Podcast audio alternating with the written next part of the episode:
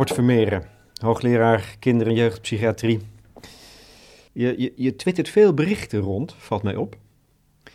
Eh, Grappig genoeg is een van je laatste berichten eh, een, een column van Malou van Hintem over het boek dat hier, zie ik nu ook op tafel ligt, DSM-5. Dat is nou een, een centimeter of zes dik.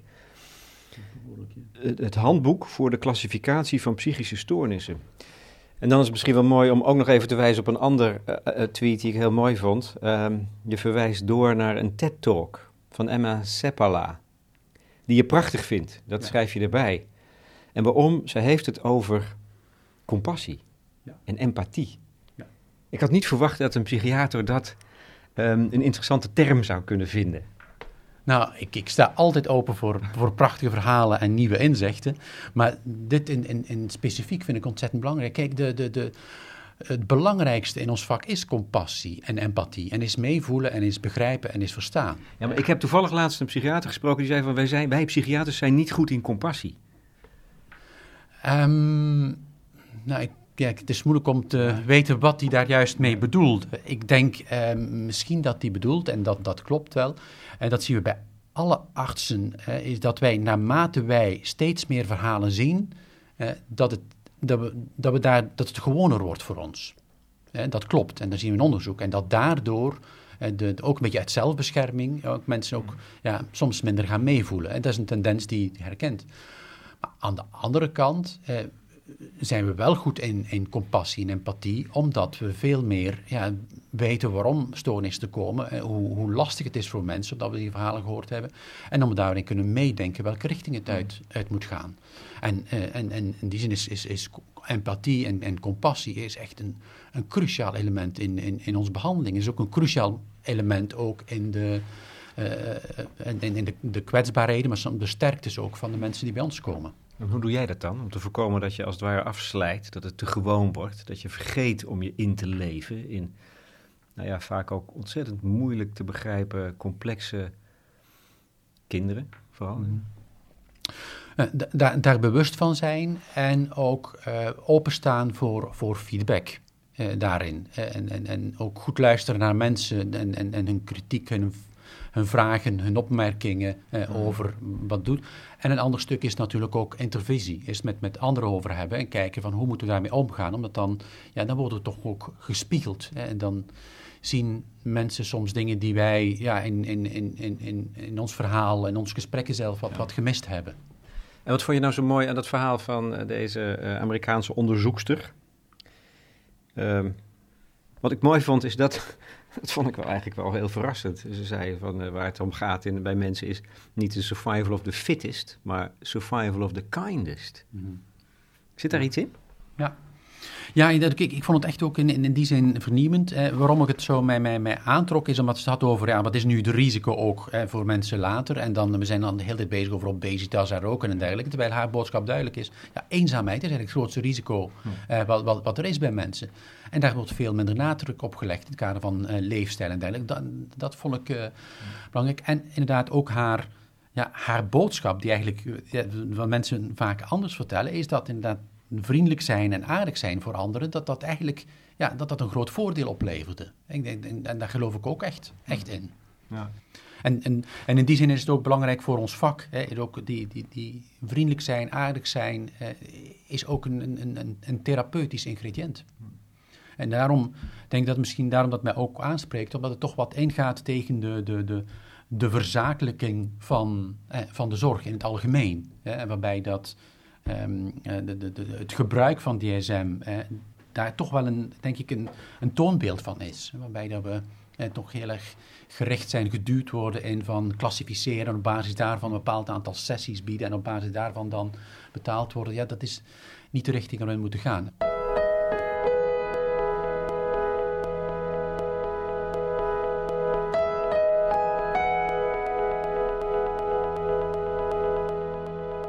Robert Vermeeren, het R-woord. Ritalin in de jeugdpsychiatrie, maar eigenlijk bijna in de dagelijkse praktijk van scholen en gezinnen. Eén, hoe, hoe, even om het, om het vast te stellen als een gegeven, hoe groot is het gebruik van Ritalin? En is het bijvoorbeeld heel veel meer geworden dan, uh, dan een aantal jaar geleden?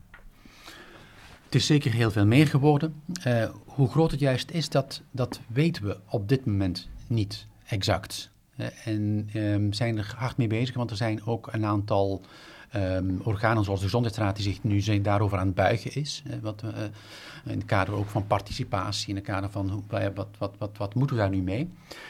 En daarin zien we in elk geval, als we kijken naar de cijfers bij de apothekers en de, de Stichting Farmaceutische Kengetallen, die heeft cijfers daar rond, dan zien we wel een enorme stijging over tien. Dus dat, dat kunnen we niet ontkennen. Um, we weten niet bij hoeveel kinderen daadwerkelijk gegeven wordt, omdat we alleen maar gegevens hebben per apothekerklant. Oké. Dus, en als een kind naar twee apotheken gaat, bij wijze van spreken, dan, ja, dan zal die twee keer geteld worden. Hè? Want dan kunnen we dat niet terugbrengen tot het feit dat het één kind is. En op die basis daarvan komen we op, en zouden we op een aantal komen van 4,3% van alle kinderen. Maar er zijn heel wat kinderen wellicht, maar we weten niet hoeveel dubbel geteld. Ja. Um, is dat ernstig? Wat zegt dat toch? Die stijging van het gebruik, hoe zie je dat? Vind je dat een hele ongunstige ontwikkeling? Of sta je daar betrekkelijk nuchter tegenover? in algemene zin? Het is um, een ontwikkeling die we zeker nader goed moeten onderzoeken. en ik vind het in die zin zorgelijk dat we eigenlijk niet weten hoeveel kinderen die medicatie krijgen. Hè, doordat die cijfers niet duidelijk genoeg zijn. Dat, dat vind ik een zorg. En die stijging vind ik ook een, een zorg. Uh, en een zorg in die zin dat we dus grondig moeten onderzoeken hoe komt het. Ja. Uh, en krijgen die kinderen die medicatie omdat ze het echt nodig hebben? Of zijn er kinderen die die medicatie krijgen terwijl ze het eigenlijk niet nodig hebben. En er zijn op dit moment, dan weet ik, aanwijzingen dat een aantal kinderen het ook zonder die medicatie zouden kunnen. En dat, ja, en dat vind ik, dan moeten we daarnaar kijken, hoe komt het dat het eh, wel zo gebeurt en hoe kunnen we ervoor zorgen dat, dat, ja, dat die kinderen dan niet die medicatie krijgen, maar dan wel alternatieven. Het lijkt zo'n populaire diagnose, ADHD of ADD, de andere, de, de, de slome varianten van. Een soort wildgroei. Hè? Mhm. Dat, dat gevoel bestaat er wel. Ja, je krijgt, als je een beetje druk bent, dan krijg je ADHD. Hoe zie jij dat in, als, als maatschappelijk verschijnsel op het moment? Ja. Nou, daar zitten we met het probleem dat we ook niet weten hoeveel kinderen daadwerkelijk vastgestelde ADHD hebben. Mhm. En wat we zien is dat een aantal termen zoals ADHD en autisme en dergelijke worden steeds ruimer gebruikt. Ja. Ja, en we zien bij kinderen, ja, die zeggen van elkaar al van die heeft ADHD of die heeft autisme, zonder dat hij ooit onderzoek gehad heeft. Maar niet alleen die. Er zijn ook uh, ja, bekende Nederlanders die uh, af en toe eens roepen dat zij ADHD hebben, uh, zonder dat ze onderzocht zijn of dergelijke. Dus dat vind ik, dat vind ik een probleem. Dus er roepen heel veel mensen. Dat, dat lijkt wel gek genoeg dat er bij mensen zelf lijkt het wel een behoefte te zijn ontstaan aan klassificatie. als we het maar het is niet eens van de wetenschappers en de beleidsmakers en de zorgverzekeraars. Nee, bij mensen zelf lijkt er wel zo'n soort behoefte te staan. En dat is dan toch een raar fenomeen. Om, om, als we het maar gelabeld hebben, dan kunnen we het hanteren. Nou, dan zitten we eigenlijk op het onderwerp ja, wat ze dan noemen medicalisering. het geven van eh, medische labels voor eender welk probleem. en daar is ook heel wat rond te doen. En dat zien we eigenlijk dat dat ruim gebeurt op meerdere vlakken. vanaf dat eh, kinderen een beetje kuchen of hoesten, ja, dan hebben ze een allergie en dan hebben ze een pufje nodig. Vanaf dat ze jeugdpuistjes vertonen tegenwoordig, ja, dan moeten er ook zalfjes en pilletjes en dit zo, enzovoort enzovoort aan te pas komen. Hè. Vanaf de pijn hebt, krijg je ook. Dus daar zien we inderdaad een algemene tendens om eh, bij tegenslagen, bij dingen die minder goed zijn, om, om, om daar middelen voor te gebruiken. En dat, dat zien we uiteraard ook bij kinderen en hun ontwikkeling. kinderen en ze zeggen altijd, het, het, het, ziek zijn is verruimd. Maar wat we vooral zien is eigenlijk dat het, het, het, normale, het gemiddelde, is steeds meer de norm aan het worden. En dat is niet iets wat eh, van de mens of van de dokter alleen is. Het is ook iets wat de maatschappij uitstraalt. Hè.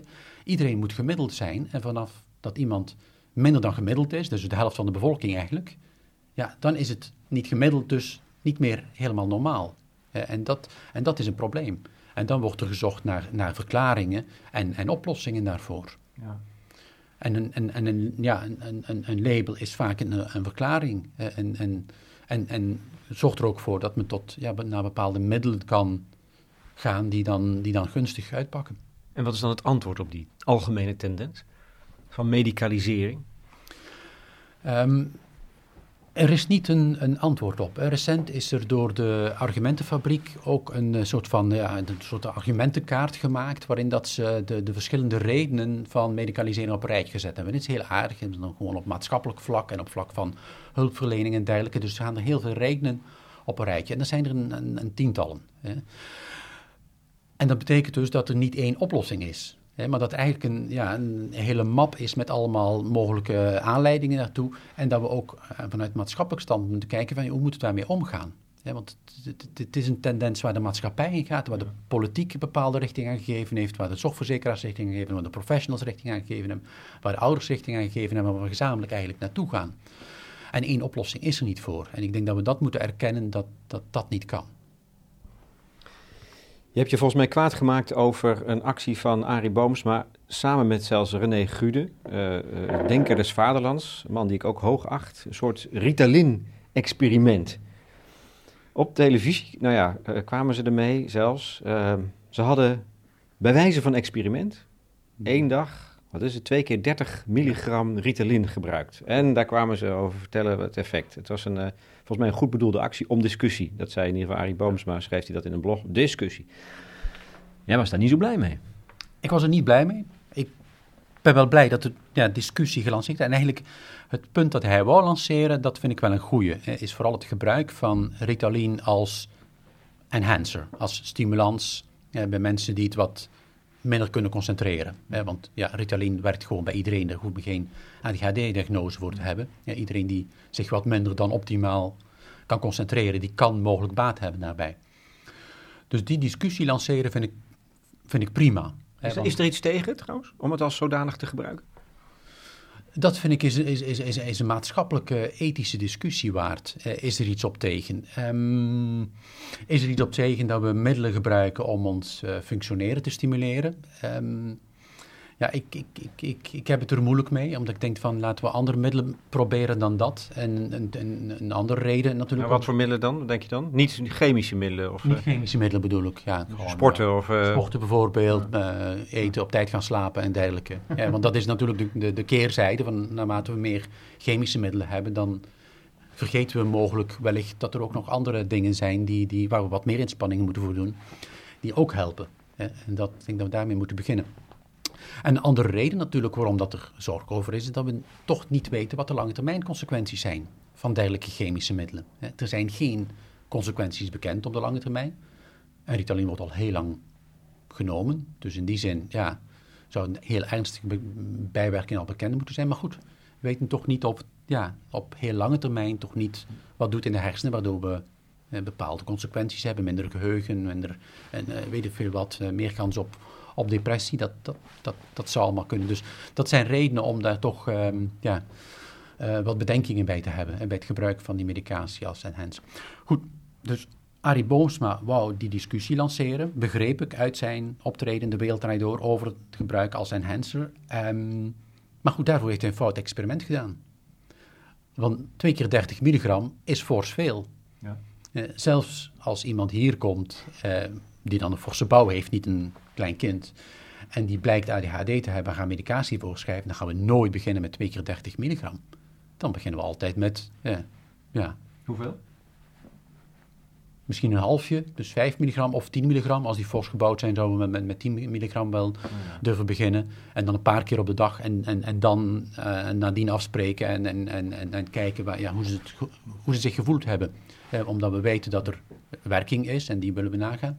Maar ook omdat we weten dat er korte termijn bijwerkingen zijn. Dus 2 keer 30 is een soort shock-effect. is een, een, een, shot, echt letterlijk. Ja, het is de, zoals ik noem, ik vind het een overdosis eigenlijk. En ik kan zeggen, in strikte zin is het niet een overdosis, omdat sommige mensen gaan tot 2 keer 30 ja. milligram op termijn. Maar ik vind als begindosis is het een overdosis.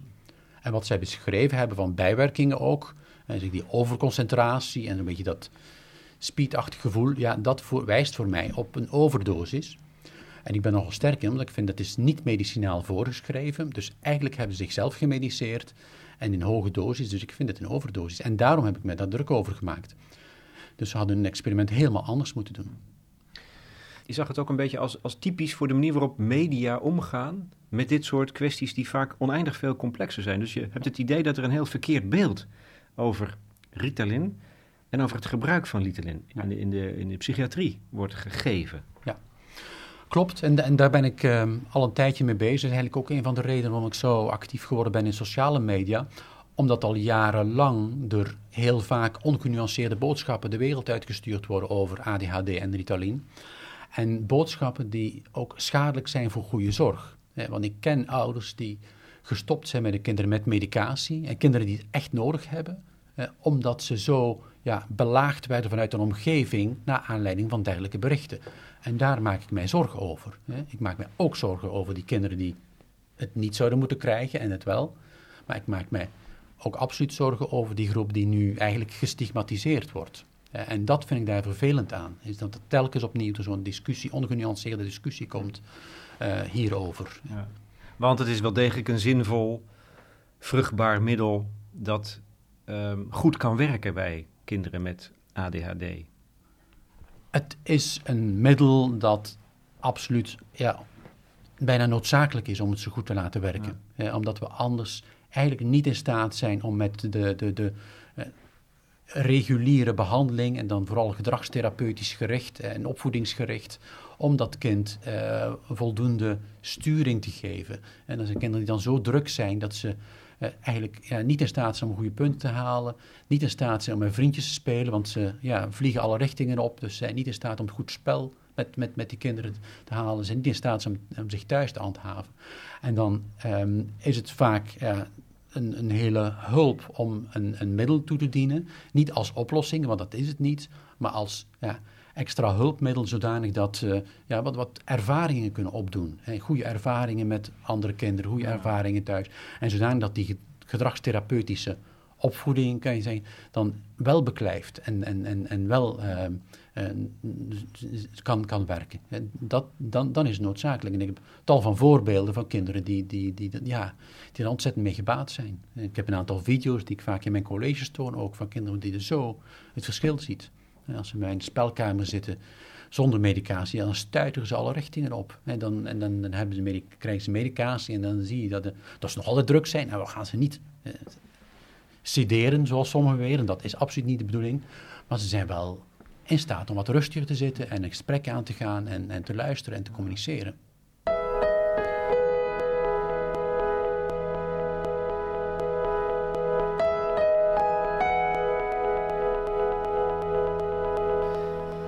Weet jij altijd, we hadden het net over die norm, hè, van het, is, het moet steeds meer eh, het gemiddelde zijn. Dus dat wat er buiten valt, dat wordt als afwijkend en misschien zelfs wel als, nou ja, als gestoord eh, gezien, als ik het heel scherp formuleer.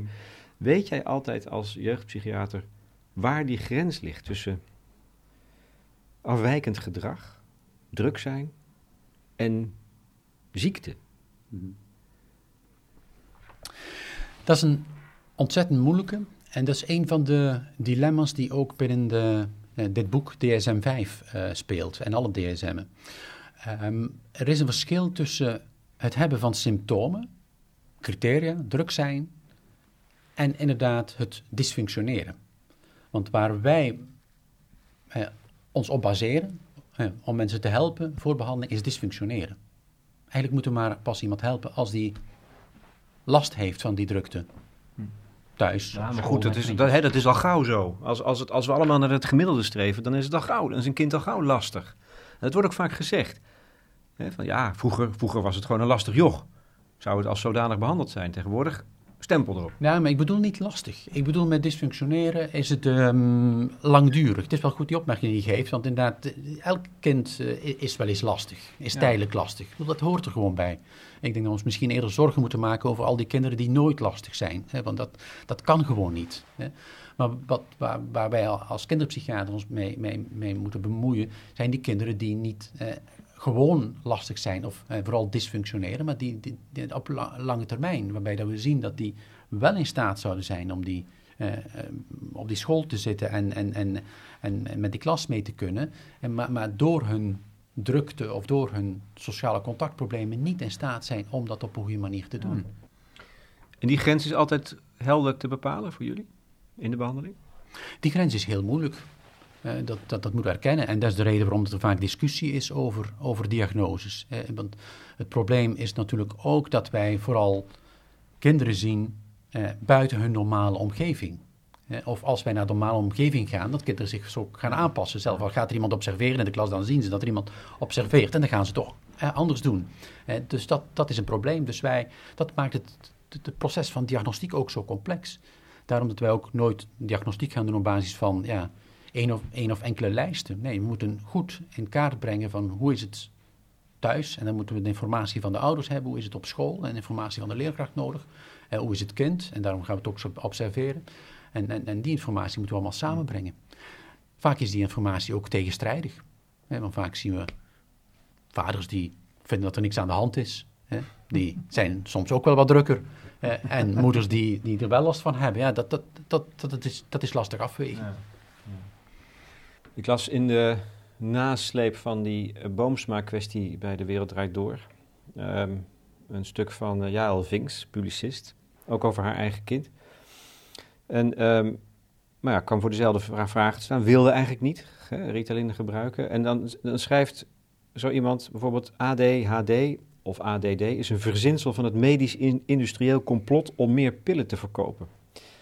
Ik denk dat dat een gevoel is dat veel mensen ook hebben. Dat er een industrie achter zit, mm -hmm. farmaceutische industrie, die druk uitoefent, of druk, ja, die druk uitoefent ook op behandelaars, uh, psychiaters, jeugdpsychiaters en ook ouders uiteindelijk, om pillen te gebruiken. Als, nou, is een goed middel, werkt. Hoe zie jij dat? Nou, om te beginnen, ik heb geen enkele band met de farmacie. Ja, dat heb ik ook altijd doelbewust gedaan, omdat ik weet, mm, ja, druk vind ik een beetje zwaar uitgedrukt, maar omdat ik weet, kijk, dat moet, moet dat zo aanvaarden, de farmaceuten zijn gewoon commerciële bedrijven. Ja. En die met aandeelhouders. Ja. En daar, dat is die willen winst maken. En die willen winst maken. Die moeten winst maken, want anders ja, kunnen ze niet verder groeien. Zo, is ook, zo heeft de maatschappij het ook gecreëerd. Dat heeft ook de overheid gewild en dat willen ze nog steeds, dat dat privébedrijf is. Dat moeten we aanvaarden en dat is zo. Dus in die zin is hun belang verkopen, maar ook hun belang is langs de andere kant ook duurzaamheid. want ze moeten kunnen blijven verkopen en als ze het te gortig maken, dan weten ze ook, en dat, dat zien we nu op vele vlakken, dan, ja, dan, dan, dan verbranden kansen en dan, dan hebben ze daar alleen maar de gevolgen van. Maar goed, het blijft dat hun optiek is verkopen. Dat, dat, dat moeten we zo zien. Um, de, de, de, druk van de farmaceuten is op vele vlakken de laatste tijd, en is heel goed, aan banden gelegd. Uh, en ik denk dat dat uh, meer moeten doen. Op welke manier? Um, ja, dat, dat artsen nu een volledige openheid moeten geven over wat ze krijgen van de farmaceuten. Dat ze op congressen nauwelijks nog ja, echt als, als, als ze kunnen wel als sponsor nog aanwezig zijn vaak, maar eigenlijk ja, worden ze naar de zijkant geschoven. En ze mogen geen, zoals nu op de, het voorjaarscongres van de psychiatrie, ze mogen geen leuke dingen meer uitdelen. Uh, ze mogen alleen maar foldertjes geven, bij wijze van spreken, en informatie. Ja, dat vind ik een, een goede zaak. Uh, dus in die zin wordt dat geminimaliseerd, maar het blijft er natuurlijk. Hè. Ehm, ADHD en Ritalin in C is niet een verzinsel van de farmacie. ik zeg niet dat het nadien niet gebruikt is. omdat ze dan zeggen van, hé, hey, dat is een groeimarkt. Maar aanvankelijk niet. Omdat ik weet nog, in het begin toen ik in opleiding was, in 1993, toen was het begin van ADHD in gebruik van Ritalin. Toen was de, de, de, de, de producent van uh, Ritalin methylfenidaat, uh, is dit stof die erin zit, helemaal niet geïnteresseerd om dat middel op de markt te brengen. Want het, was, patent was al lang verstreken. en ze sponsorden helemaal niet, ze kwamen niet. Het interesseerde en helemaal niet dat er meer verkocht werd. Na een tijdje zijn ze dat wel gaan zien, maar dat was, eh, toen was de, de groei al ingezet. dus dan je van ja, in C is dat niet de oorzaak. We moeten natuurlijk wel erkennen dat ja, de farmacie belang heeft en alles doet om, ja, om, om meer te verkopen. En ik vind dat we daar, ja, dat we daar bewust moeten van zijn. Uh, waar ik nu wel vragen heb op dit moment, en dat, is misschien recent zijn er die uh, berichten over een nieuwe diagnose die zou gemaakt worden. Sluggish cognitief tempo. Hè. Ja. Sloom cognitief tempo. Ja. En ik moet zeggen, daar heb ik wel grootse vragen bij. Ik wil nog wel even de literatuur zien die daarachter zit. Ja. Maar wat ik hierbij vermoed, en de eerste berichten die ik gezien heb, is dat dat een diagnose is die wel uh, serieus door de farmacie gepromoot wordt. En daar ga ik mij wel, als het zo is, daar ga ik mij wel fel tegen verzetten. Want ik vind dit, ja, dat, dat vind ik dan ongeoord.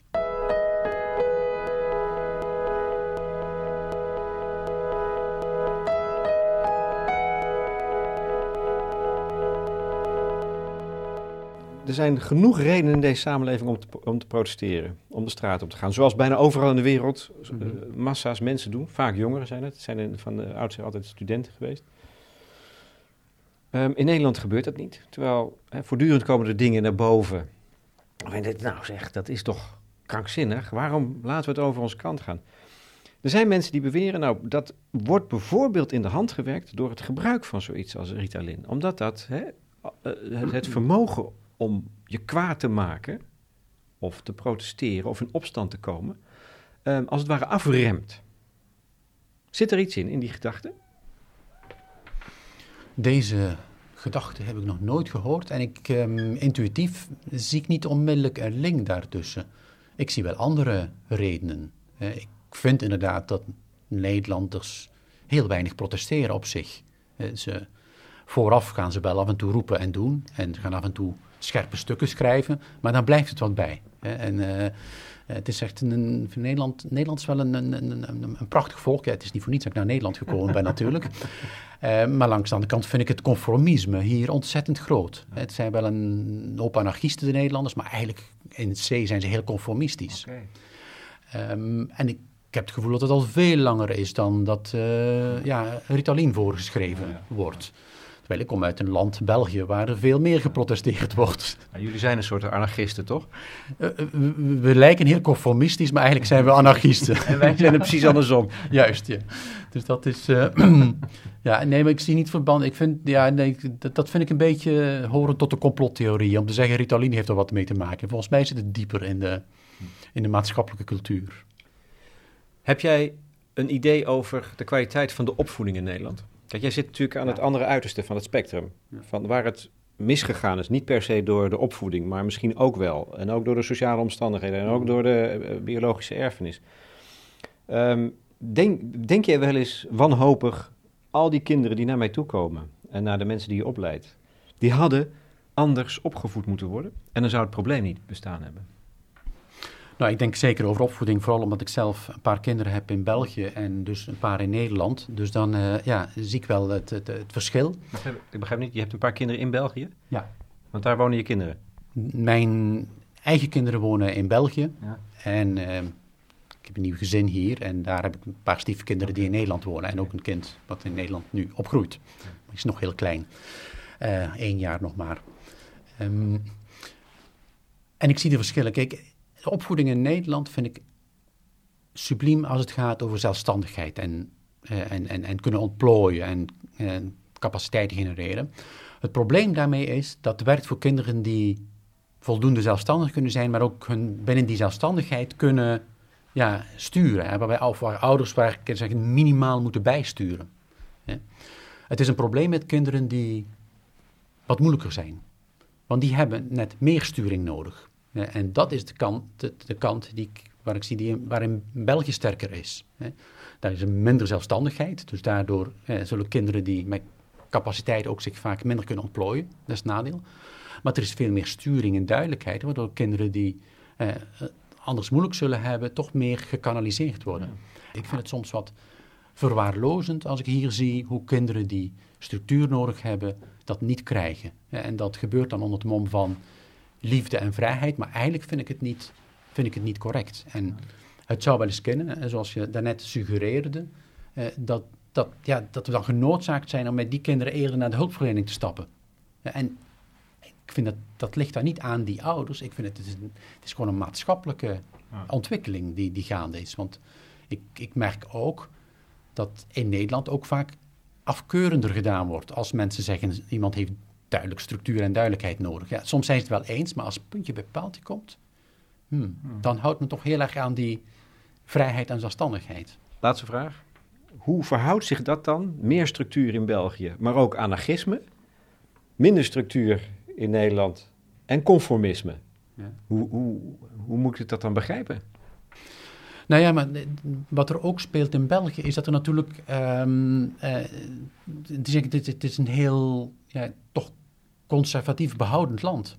Uh, de dingen zijn gewoon. Uh, en, en dat anarchisme speelt zich binnen die, die duidelijke kaders af. Als tegenkracht is dat? Ja, als, als een zekere tegenkracht. Maar het, het is niet het anarchisme van Nederland, waarbij uh, met Amsterdam als mooiste voorbeeld, dat, dat iedereen een beetje alle richtingen uitgaat. Dat, dat is het ook niet. Het, het is, er zit een zekere ja, duidelijke behouden kern. Hè? Want ja, bijvoorbeeld het schoolsysteem is, is, is heel duidelijk en wel. En daar, ja, daar moeten kinderen niet tegen, tegen ingaan, want anders ja, zullen ze gauw de, de deur op hun neus krijgen.